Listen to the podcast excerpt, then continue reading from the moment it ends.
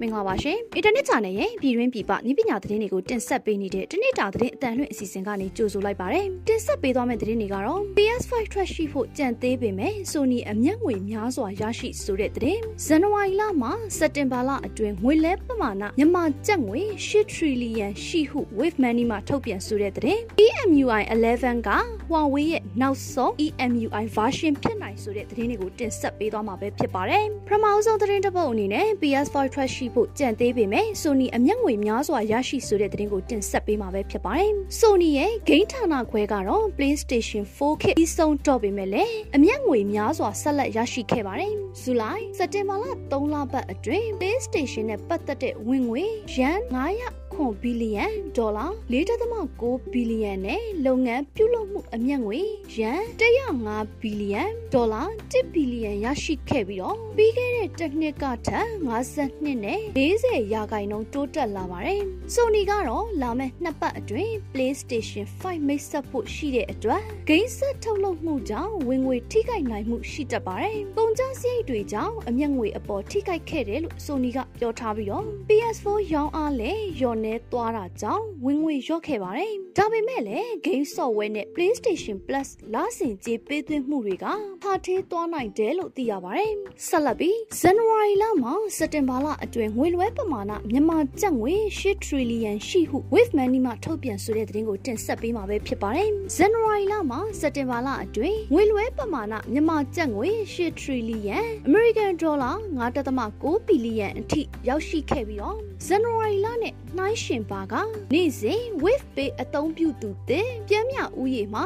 162ရာခိုင်နှုန်းအထိတိုးတက်လာကြောင်းမိုဘိုင်းငွေကြေးဝန်ဆောင်မှုကုမ္ပဏီ Wave Money မှထုတ်ပြန်ကြေညာခဲ့ပါတယ်။တကယ်ကိုစိတ်လှုပ်ရှားစေတဲ့အောင်မြင်မှုမှတ်တိုင်တစ်ရက်ပါပဲ။ဘာဖြစ်လို့လဲဆိုတော့ကျွန်တော်တို့ရဲ့စွမ်းဆောင်မှုတွေမကပါဘူး။ပြည်သူများ Digital နည်းပညာရက်ကိုဘယ်လောက်ထိဘယ်လိုလက်ခံအသုံးပြုလာကြသလဲဆိုတာကိုပေါ်လွင်စေတဲ့အပြုသဘောဆောင်တဲ့အညွှန်းကိန်းတစ်ခုဖြစ်နေလို့ပါပဲ။ကျွန်တော်တို့ရဲ့ပုံမကောင်းမှုနဲ့မြန်မာနိုင်ငံရဲ့အနာဂတ်သစ်ဖန်တီးရန်ဆိုတဲ့ညှို့မှန်းချက်နဲ့အညီမိုဘိုင်းငွေကြေးကဏ္ဍကအခုဆိုရင်ပြည်သူတွေရဲ့နေ့စဉ်ဘဝမှာအရေးပါတဲ့အစိတ်အပိုင်းတစ်ခုအဖြစ်နဲ့တည်ရှိနေတာကိုသိလိုက်ရတာအရန်ကိုဝမ်းသာမိပါတယ်လို့ Wave Money ရဲ့အမှုဆောင်အရာရှိချုပ်ဖြစ်သူကပြောပါတယ်။မိုဘိုင်းကွန်ရက် operator တွေရဲ့ကမ္ဘာအကြီးဆုံးအဖွဲ့အစည်းဖြစ်တဲ့ GSMA အရာအသုံးပြုလျက်ရှိသောမိုဘိုင်းငွေကြေးအကောင့်တစ်ခုဆိုတာဟာရက်ပေါင်း30ဒါမှမဟုတ်60အတွင်းမှာအနည်းဆုံးတစ်ကြိမ်ငွေလွှဲဝန်ဆောင်မှုကိုအသုံးပြုလျက်ရှိတဲ့မိုဘိုင်းငွေကြေးအကောင့်တစ်ခုဖြစ်ကြောင်း GSMA ရဲ့ State of the Industry Report 2019အစီရင်ခံစာမှာ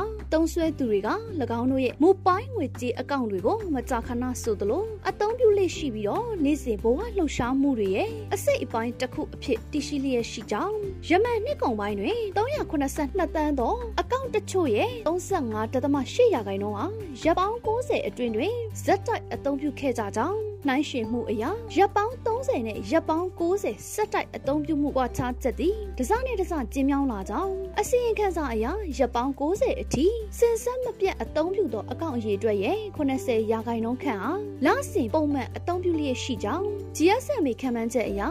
2025ခုနှစ်တွင်လစဉ်ပုံမှန်အသုံးပြုတဲ့မိုဘိုင်းငွေကြေးအသုံးပြုသူတွေဟာ2019ခုနှစ်အတွင်းရက်90ဇက်တိုက်အသုံးပြုသောအကောင့်380မီလီယံကိုကျော်လွန်လာမယ်လို့ထုတ်ပြန်ခဲ့ပါတယ်။နောက်ဆုံးသတင်းတစ်ပုဒ်အနေနဲ့ EMUI 11က Huawei ရဲ့နောက်ဆုံး EMUI version ဖြစ်နိုင်ဆိုတဲ့သတင်းကိုတင်ဆက်ပေးမှာပဲဖြစ်ပါတယ်။ Huawei ဟာကိုယ်ပိုင် operating system ဖြစ်တဲ့ Harmony OS ကိုလောက်ကင်နေတယ်လို့သတင်းထွက်လာပြီးတဲ့နောက်မှာ Android နေရာကိုအဆောင်ထိုးပွဲရှိနေပါတယ်။ Huawei က Airy OS က smartphone အတွက်မဟုတ်ဘူးလို့ပြောထားပါတယ်။ဒါပေမဲ့ Trend အစိုးရက Huawei အပေါ်ပုံသွယ်ရေးပိတ်မဆို့ခင်ကပြောထားတာပဲဖြစ်ပါတယ်။ August လနောက်ပိုင်းမှာတော့ Huawei က Harmony OS တရားဝင်မိတ်ဆက်လိုက်ပါတယ်။ My Driver သတင်းကတော့ Huawei လူသုံးကုန်လုပ်ငန်းအုပ်စုက software ဖန်တီးရေးအကြီးအကဲ Wang Chanlu နဲ့အင်တာဗျူးတစ်ခုကိုဖော်ပြခဲ့ပါတယ်။အဲ့ဒီ အင်တာဗျူးမှာတော့ EMUI 11နဲ့ Howman OS နဲ့ပတ်သက်တဲ့မေးခွန်းတွေကိုမေးခဲ့ပါတယ်။ Huawei အမှုဆောင်ကတော့ Howman မှာ